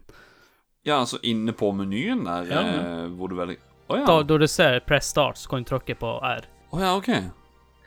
Ja, det stemmer det. Um, jeg er ikke helt uenig. Det er en veldig, veldig god bane for time trial. Og um, nå mener jeg at uh, time trial community ble starta i 1998 i det spillet her. Av eh, Jeg skal ikke gå inn på så mye spesifikke ting, da, men veldig tidlig så ble det kjent at eh, det japanske Mario Kart 64-communityet hadde ei veldig god tid på Mario Raceway pga. akkurat det med å trykke R på åpningsskjermen. Og den tida mener jeg å huske var 51 sekunder eller noe sånt. Og alle sammen som har spilt Mario Raceway, kjenner kanskje på noe som er en, en 40, en 35, noe sånt. Eh, Jeg for min del har akkurat kommet under 1 minutt og 30 sekunder. Så når alle sammen i den vestlige verden ser at eh, de fra Japan har ei tid på noen og 50 sekunder, så begynner man å spekulere, da. Og da skjer det et par ting. Det første man innser, at NTSC og PAL er forskjellig. Med noe som er ansett for å være 1,2024, som er conversion raten. Som er litt annerledes fra andre spill, men det er en liten forskjell. Men det teller ikke for hele differansen mellom 50 sekunder og 90 sekunder. Så da oppdager man, og det her tror jeg var i 99 eller 2000, så oppdager man at uh, de fra Japan har funnet en snarvei på banen. Der at du kan bruke ene soppen til å hoppe over en stor del av banen og kutte tre svinger eller noe sånt. Og da begynner man å sammenligne communities, da, og i løpet av 99-2000 så oppdager man noe sånt som 20 forskjellige snarveier å spillet. Eh, enkelte Noen av snarveiene er på samme bane, sånn som Royal Raceway har to distinkte snarveier på samme bane, som man bruker etter hverandre, mens andre baner har én.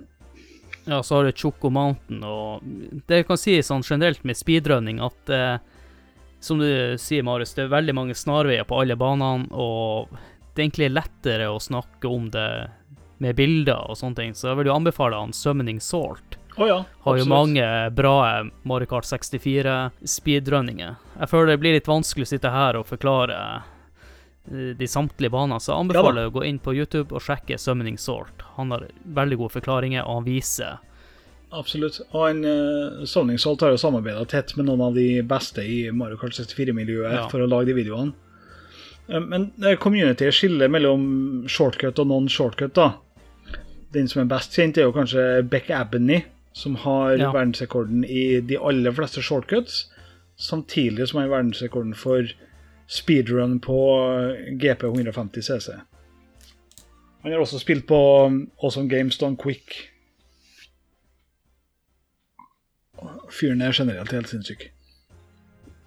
Så han har vært med i flere av de Samling Salt-videoene, ja. Eh, men sånn kort oppsummert, da, så er speedrunning av time trial er hvor fort kan du gjøre miniturbanen din, hvor tett kan du holde deg på banen, og i enkelte tilfeller hvor god er du til å gjøre snarveiene. Det, det er de tre elementene som ingen egentlig kan mestre. Men uh, den tyske Mathias Rustermeyer har på sett og vis mestra alt som har med non-shortcut å gjøre, og Beck Abney har stort sett mestra alt som har med shortcut å gjøre. Og det er de to store navnene i spillet i dag, anser jeg da. Eh, en ting jeg også har lyst til at vi skal eh, snakke litt om, det er musikken i spillet. Fordi at uh, musikken i Mario Kart 64 har jo blitt ikonisk. Musikken fra dette spillet vi forbinder Mario Kart-serien med. Og musikken er jo laga av Kenta Nagata. Uh, det er en annen ting som er også litt spesielt med spillet. her. De bruker mye av samme musikken på flere baner. Det, jeg må ærlig innrømme at når jeg var liten, så la jeg ikke merke til det. At Mario Raceway og Vario Stadium hadde f.eks. samme låta. Det sant? Mm. Men Ja, jeg har fått Peach Raceway, men uh, Valro Stadium Nei, det hadde jeg faktisk ikke eh, Men det er jo for når du sa det, så kom jeg liksom på det at jo, det stemmer, det. Men å ja, OK. Ja, Valro Stadium òg, faktisk. Yes, og Luigi Raceway. Så alle de fire har samme. Uh, det heter ikke Peach Raceway, det er jo Royal Raceway. kan jeg, kan jeg da skyte inn at, det, at uh, det skjer noe helt spesielt med musikken hvis den går for lengre enn 11 minutter? Da blir musikken annerledes. Det er det veldig få som vet, og det er jo helt unødvendig å finne ut av, på en måte. Men hvis du lar musikken bare gå da, ut tida, og så etter rundt 11 minutter så blir musikken kjemperar. Men det her er jo programmert med vilje. Det er en sånn mest unyttige easter egg of all time, kanskje. Men, men det er noe Jo, men det, det blir jo litt sånn som Special World i Super Mario World. Så er det Hvis du venter i fem-seks minutter, eller så begynner jo vanlig Super Mario-melodien å komme inn i Ja, riktig. Ja, Det er sånn her eh, Kall det It's a Nintendo thing. ja det er kanskje det. En annen ting jeg kom på nå med musikken Jeg husker jeg var liten og holdt på med driftinga med å holde inn R. Og at så kom man bort til L-knappen, og da slår du av musikken. Å ja! Det hadde jeg glemt. Og, og da husker jeg at jeg lurte på Er spillet ødelagt, eller noe sånt. Ja, riktig. Ja, stemmer det. Riktig. For det er veldig rart at du Og kan det- gjøre det mid game, liksom. Ja. Og det er da du får den derre Når du har vekke den musikken, da, det er da du kan få den zoom-lyden. For hvis du hadde se opp og se ned-knappene, så får du den derre Spot on, Håkon. Ja. Yes, yes, yes, yes, yes. Det er noen lyder som bare er så De setter seg, Og vet det er en av de. Ja. Ja, og så en annen ting jeg kom til å tenke på når vi er inne på lydene, det er jo Mario. For meg så høres det ut som jeg sitter på andre sida av rommet. Det er akkurat som han er pute foran kjeften og sånn. Nei, woho! Eller hør nå. Woho! Sånn er det. Det, det kan faktisk hende at jeg aldri har kjørt Mario i det spillet her. Det tenker man. Nei, uh, han er jo den karakteren som er så standard at Ja. det er liksom ingen vil velge. Min spennende karakteren. Selv om at det heter Mario Kart og Super Mario Kart og uh, Yes, alt er Mario, men du vil ikke spille som han. Sant. Eh, Da tenker jeg at vi hører på låta fra Mario, Luigi, Royal og Vario Stadium. Uh.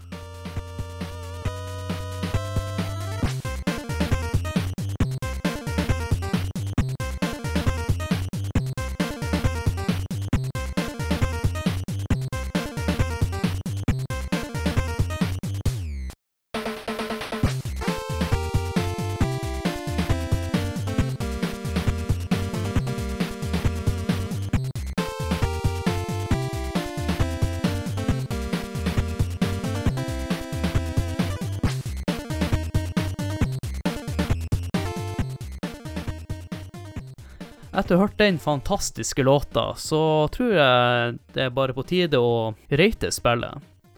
Og som vanlig så bruker vi Nintendo-magasinet sine kriterier, hvor vi bedømmer spillet fra karakter 1 til eh, 10, og bedømmer etter de her fem kriteriene.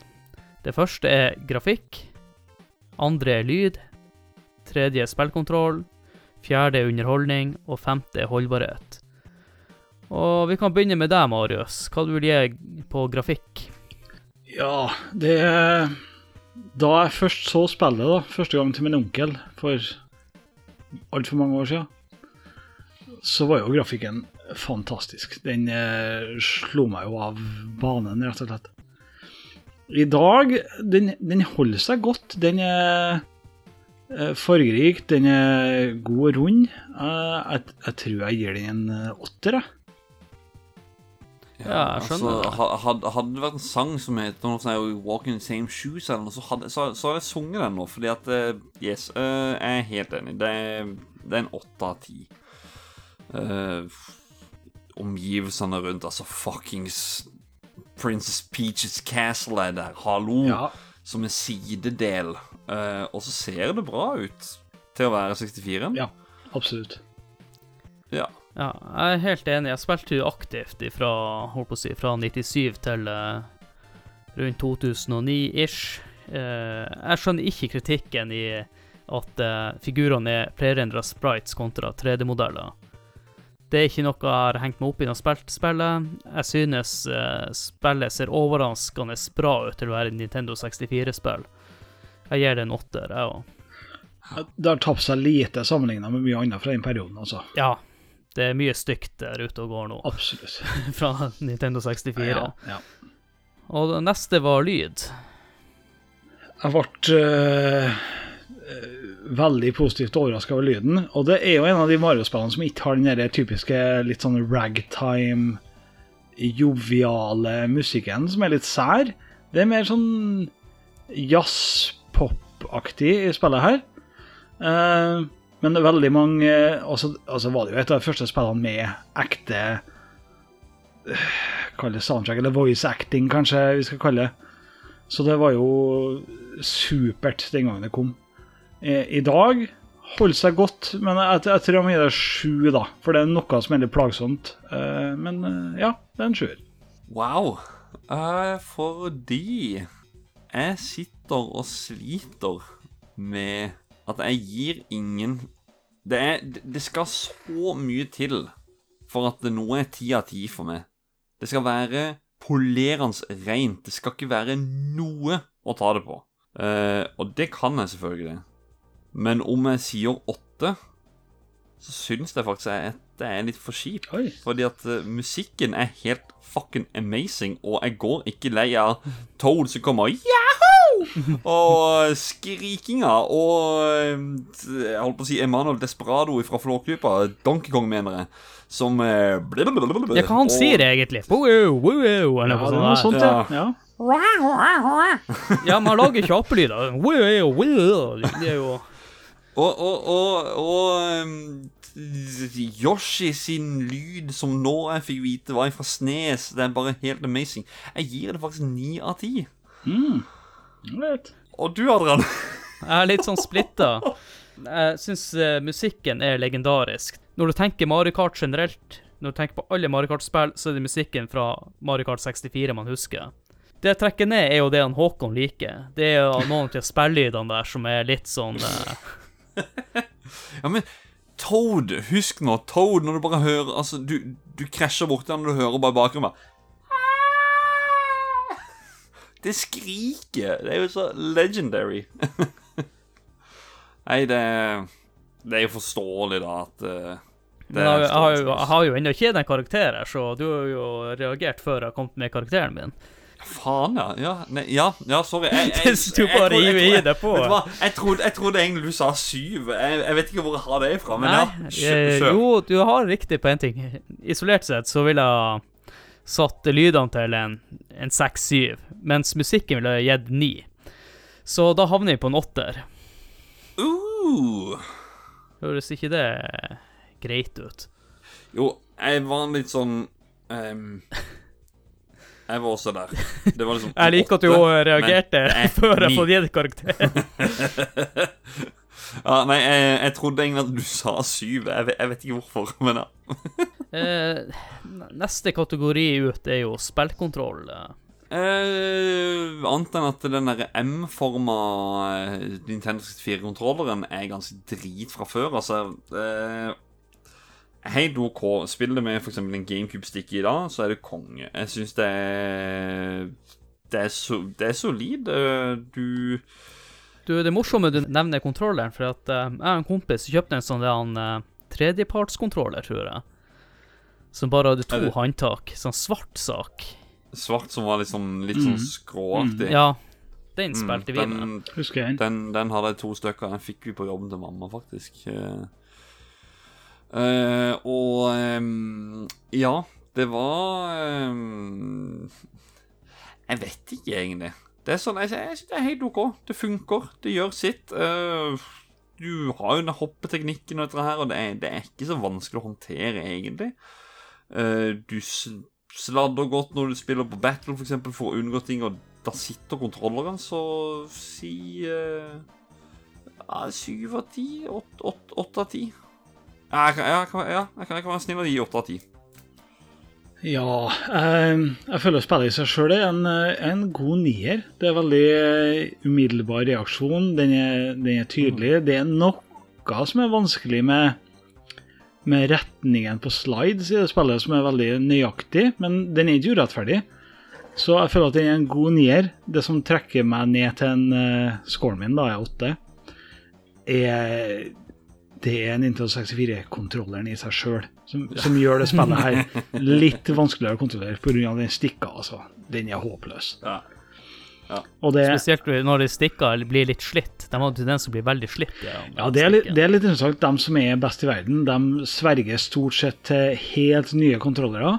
Med et par unntak, da. Eh, nummer to i verden eh, og nummer én i verden i shortcut, de sverger til litt slitte spaker. Ja. Skal jeg gi deg et uh, tips?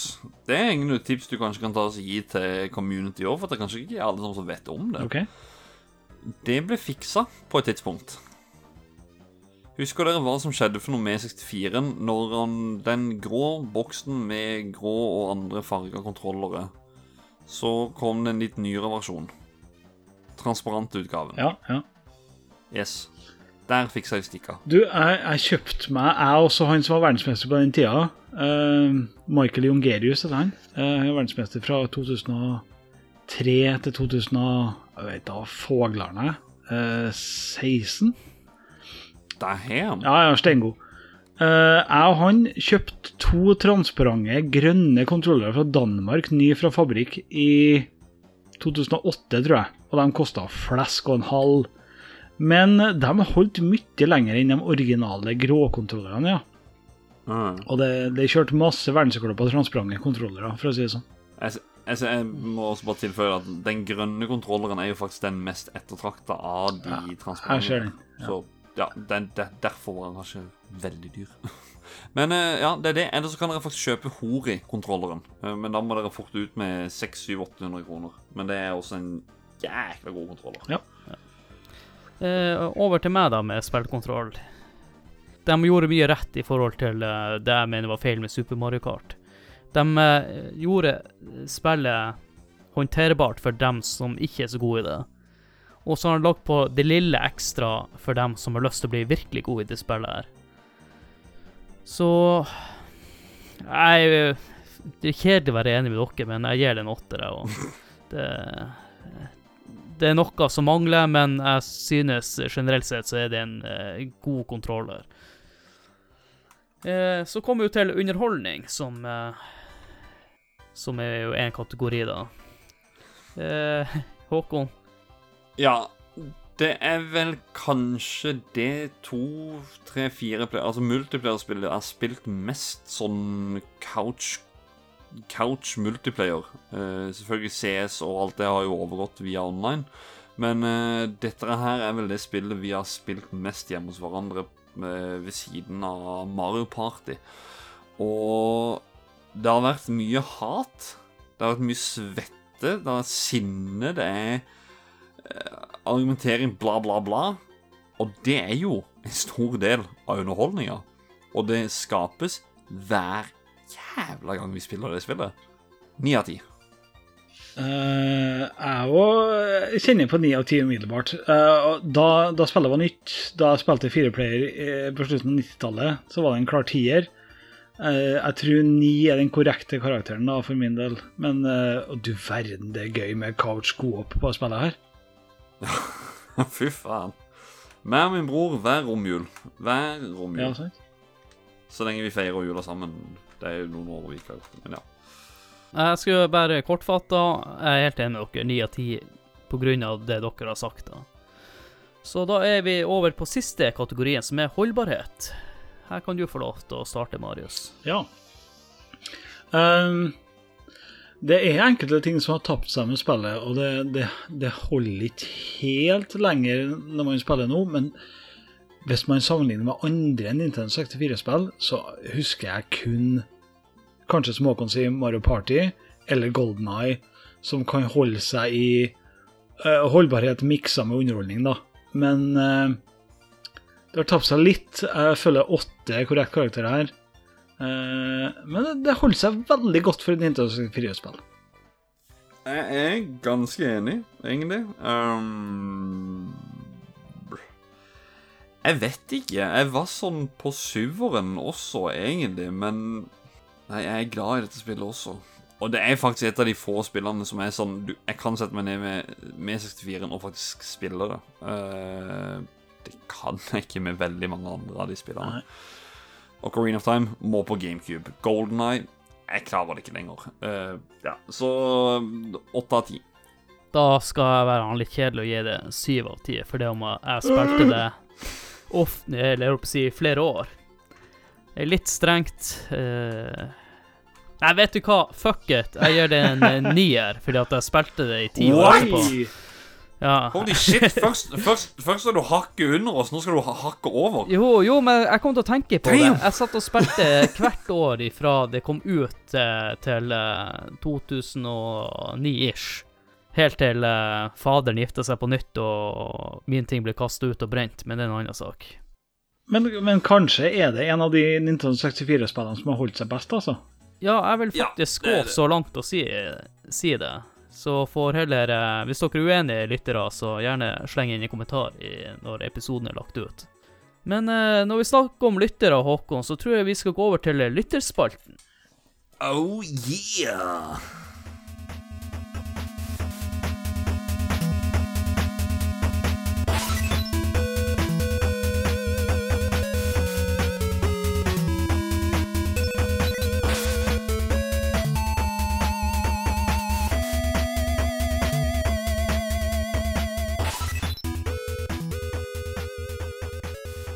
Håkon har fått inn noen eh, lytterbidrag.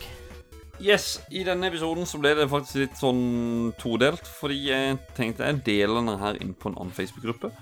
Uh, RGB Retro Game Brothers, hvor det er kjøpsalg av spill og mye annet moro innenfor retrospill for det meste. Da spurte vi eh, folk om, eh, om de har noen sterke minner til spillet, og hvem de likte å spille med. Veldig mange her som egentlig bare har skrevet hvem de liker å spille med, og ikke skrevet noe særlig minne. Vi kan begynne med Tor Hakku. Han skriver Toad garantert. Viktor Gussmann. Han er Yoshi all day long. Marius Gulbrandsen skriver Luigi om minnet. Husker veldig godt eh, Minnet jeg husker veldig godt eh, når jeg var på førsteplass og ble truffet av Blue Shell rett før mållinja. Og vips, så var jeg ikke på første lenger. Ja, det var det vi snakket om tidligere, om at det blåskallet er eh, Ja, det skulle ikke ha vært der.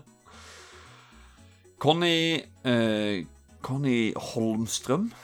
Vario FTV. Og så kommer Tony Lee under der igjen med I am Vario, I'm gonna win for the win. Eller FTW der òg. Daniel Kjærstad, eh, Bowser. Bare å krasje i de andre, så spant de ut. Eh, ja, det har vi snakka om. Eh, Susanne Høgstadvold eh, Hustad, hun skriver Peach. Det var de Vil, ja, Willy Andreas Kalsås Nesbø, han Han gjør det som vi snakker om, som egentlig er sånn normalt at folk ikke gjør, fordi det heter Mario Kart. Han velger Mario. Faktisk. Den likte jeg, veldig. Det Som vi har snakket om tidligere, det var liksom sånn Du valgte aldri Mario, for Mario var så standard. Ja, det positive er at det er et, også et godt utvalg da, når du ser at alle velger forskjellige karakterer. Ja, her var det 1, 2, 3, 4, 5, 6, 7 forskjellige Ja, karakterer. Vi mangler vel han Donkey Kong. Ja, Ja. Stakkars lille Donkey Kong. Får sitte og spise noen bananer, han. Så kan vi gå over til Facebook-sida vår, eh, spill, og da begynner vi på toppen med Sindre Lunde Medalen, også kjent som Gomle. Eh, Favorittkarakteren må være Bowser fordi han var stor, og, stor nok til å ta liv, ta liv fra folk i battle bare ved å krasje inn i dem.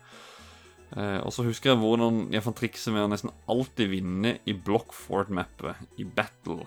Ved å stå helt på toppen og lempe røde skall ned på motstanderne. Jeg er med på den. Det, det husker jeg. Å stå på toppen der og bare kaste skall ned. Eh, Nestemann, Raymond Bryne. Mario Kart 64 endret alt. Det er et fantastisk spill som aldri blir glemt. Hvis man ser, eh, hvis man ser bort fra ergonomien på 1964-kontrollen, så var eh, Som var eh, Nei, så var og er dette ren spillglede. Dette passer i alle anledninger, og det betyr ingenting om man er to eller 40 stykk. Alle koser seg. PS. Dinosauren er best. Og ja, han har jo rett. Det var jo det vi snakka om. Altså, Det er ikke feil. 1964-kontrolleren er, er drit, men det er ren spilleglede. Det er jo det. Men dinosauren er best. Jeg er helt enig, Raymond. Yashi for the win. Og faktisk, det sier Lise også, for Lise Eriksen fra Spilledåsene, hun skriver helt klare favoritten er Nei, oi. Helt klare favoritter er Yoshi og Toad. Ingen Et helt Don magisk spill Nei. ikke vil jeg avbryte, men ingen har nevnt Donkey Kong. Jeg syns synd på Donkey Kong. sant? Ja. Uh. Eh, du, du får løpe inn i kommentarfeltet nå og bare skrive Donkey Kong. Nei, um, det er et helt magisk spill som jeg har spilt i hjel i barndommen, og fortsatt spiller. Yes. Det er Yoshi og Toad. Det var jo faktisk de jeg nevnte helt, helt i starten. Jeg Jeg tror vi skal ordne en sånn uh, kampanje eh, for han eh, Donkey Kong. Make DK great again. Og det var jo han som hadde størst suksess rett før eh, med Mario Kart, da. Eller hvis vi ser bort ifra Mario Kart 64, som var en eh, kanonspill, så var jo Donkey Kong Country oh, ja. i, i vind. Så det er litt rart at ingen likte Donkey Kong. Godt poeng. Godt poeng. Du, da er det sistemann ut. Our Man går eh, på discorden under navnet Fotpromp. Din magiske lille fotpromp. Ivar Goldenboy Lobben. I motsetning til sin forgjenger så kan dette spillet faktisk spilles i dag. Og det er faktisk fortsatt gøy. Har vært så heldig å få tilbrakt ganske mange timer med både to, tre og fire playere barndommen slash ungdommen, og selvfølgelig med trommevirvel.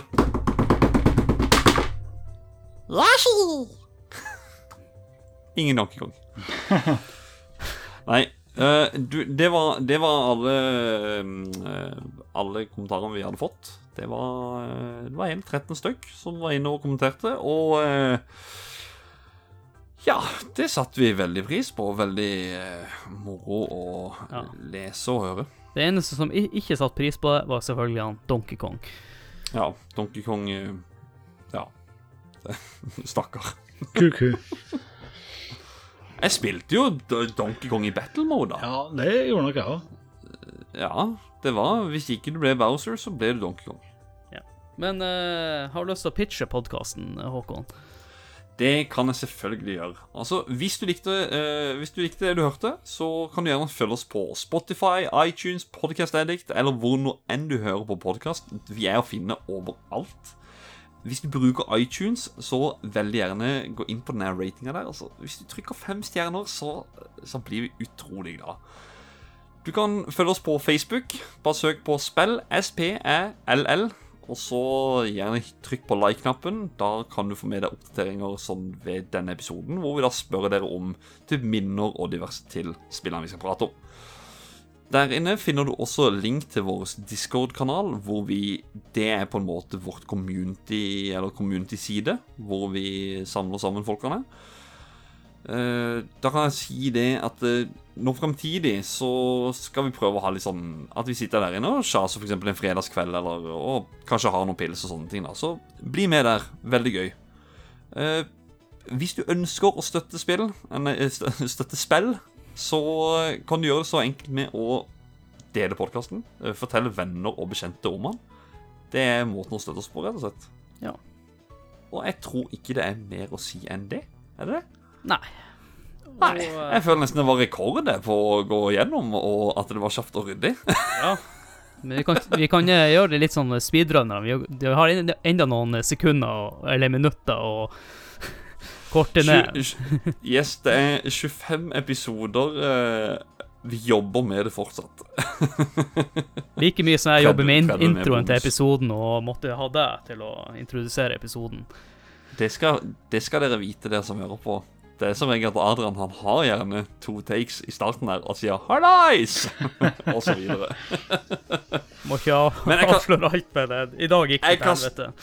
Jeg kaster 'takk for i dag'-ballen over til deg, Adrian. Så Ja. får du Ja.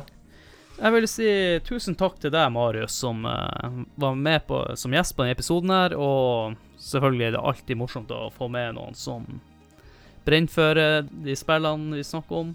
Godt å få utslipp for all den eh, nerditeten jeg sitter på.